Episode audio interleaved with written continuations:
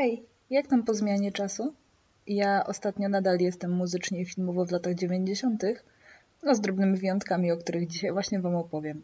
Także zapatrzcie sobie herbatki, kubki w dłoń i zaczynamy.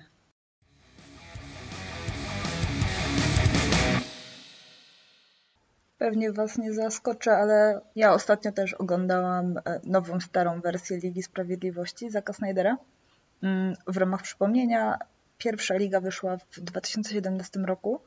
E, Snyder przerwał pracę nad nią przez samobójczą śmierć córki i produkcją, postprodukcją w zasadzie zajął się Joss Whedon. Produkcja była dość średnio przyjęta przez krytyków. E, na IMDb i na Filmwebie ma ocenę na dzień dzisiejszy 6 na 10 i recenzenci często zarzucają jej nudę i niejakość przykrytą efektami specjalnymi. W późniejszym czasie e, ujawniono, bodajże któryś z aktorów to ujawnił, że E, z tego, co nagrali, zostało wykorzystane 10% materiału Snydera, a reszta została w dość krótkim czasie przemontowana i dokręcona. E, zaś prezes Warner Bros. zlecił, że czas trwania filmu ma nie przekraczać dwóch godzin. E, muzyką zajął się Danny Elfman, zastępując pierwotnie wybranego Junkie XL-a. Po czterech latach Zack Snyder wypuścił na platformę HBO Go w Polsce, a nie wiem, za granicą to chyba jest HBO Max, swoją wersję Ligi Sprawiedliwości, która została poszerzona o nowe sceny, które wcześniej zostały niewykorzystane. E, zmontowana od nowa, aha i dokręcone zostały też chyba 4 minuty filmu.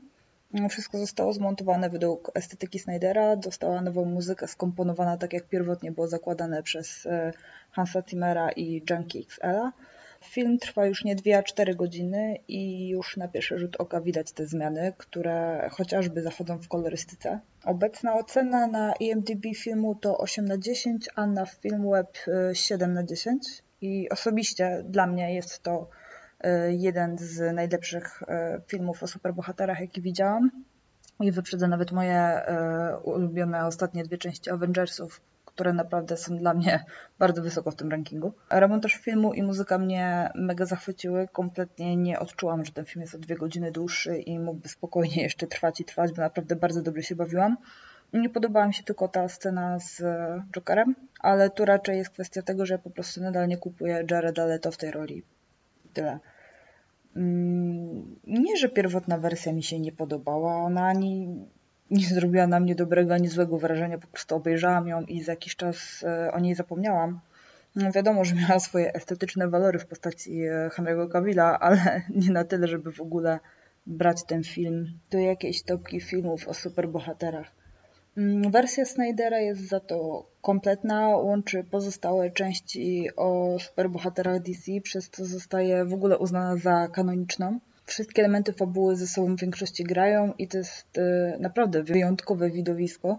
E, z całego serduszka Wam polecam i naprawdę nawet jeżeli się e, jakoś specjalnie nie było wgryziony w, w ten uniwersum DC, naprawdę, naprawdę warto obejrzeć, bo, bo jest to świetnie nagrane i nie mogę się doczekać w ogóle czarno-białej wersji, która, która ma wyjść niedługo, bo trailery są mega obiecujące, no i sam Snyder się wypowiadał, że jakby jego pierwotnym założeniem było zrobienie tego filmu w, w czerni i bieli, także podejrzewam, że naprawdę będzie sztos.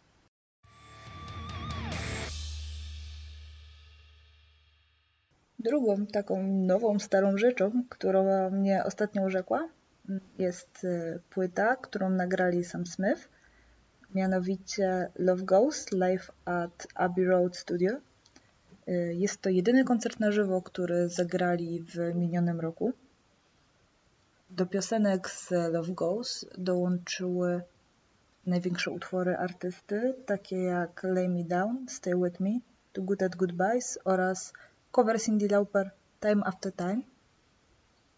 Mm, utwory są zaśpiewane w unowocześnionych aranżacjach y, i z zupełnie nową energią, ale są tak samo wzruszające jak, jak w oryginale i naprawdę zapętlam tą płytę i jest za każdym razem jest dla mnie tak samo rozczulające i wzruszające jak, jak za pierwszym odsłuchem. Zdecydowanie jest to płyta, która musi zasilić y, szereg moich płyt winylowych, także czas dodać ją do kolekcji.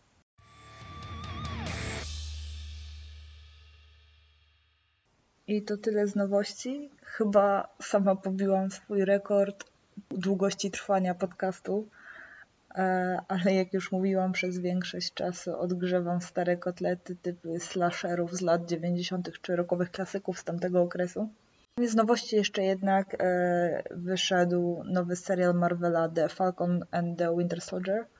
E, po dwóch odcinkach nie mogę za wiele powiedzieć. Fabularnie jak na razie wypada dużo gorzej niż WandaVision, które było fenomenalne, ale na Avenger, ma Avengersowy klimacik, humor i ma Sebastiana Stana, także ogląda się przyjemnie. I to mogłoby być tym razem chyba na tyle. Oczywiście, w newsletterze wysłałam Wam materiały specjalne i dziękuję wszystkim, którzy podjęli trudność subskrypcji, komentarzy czy lajków. Dziękuję, że doceniacie moją pracę.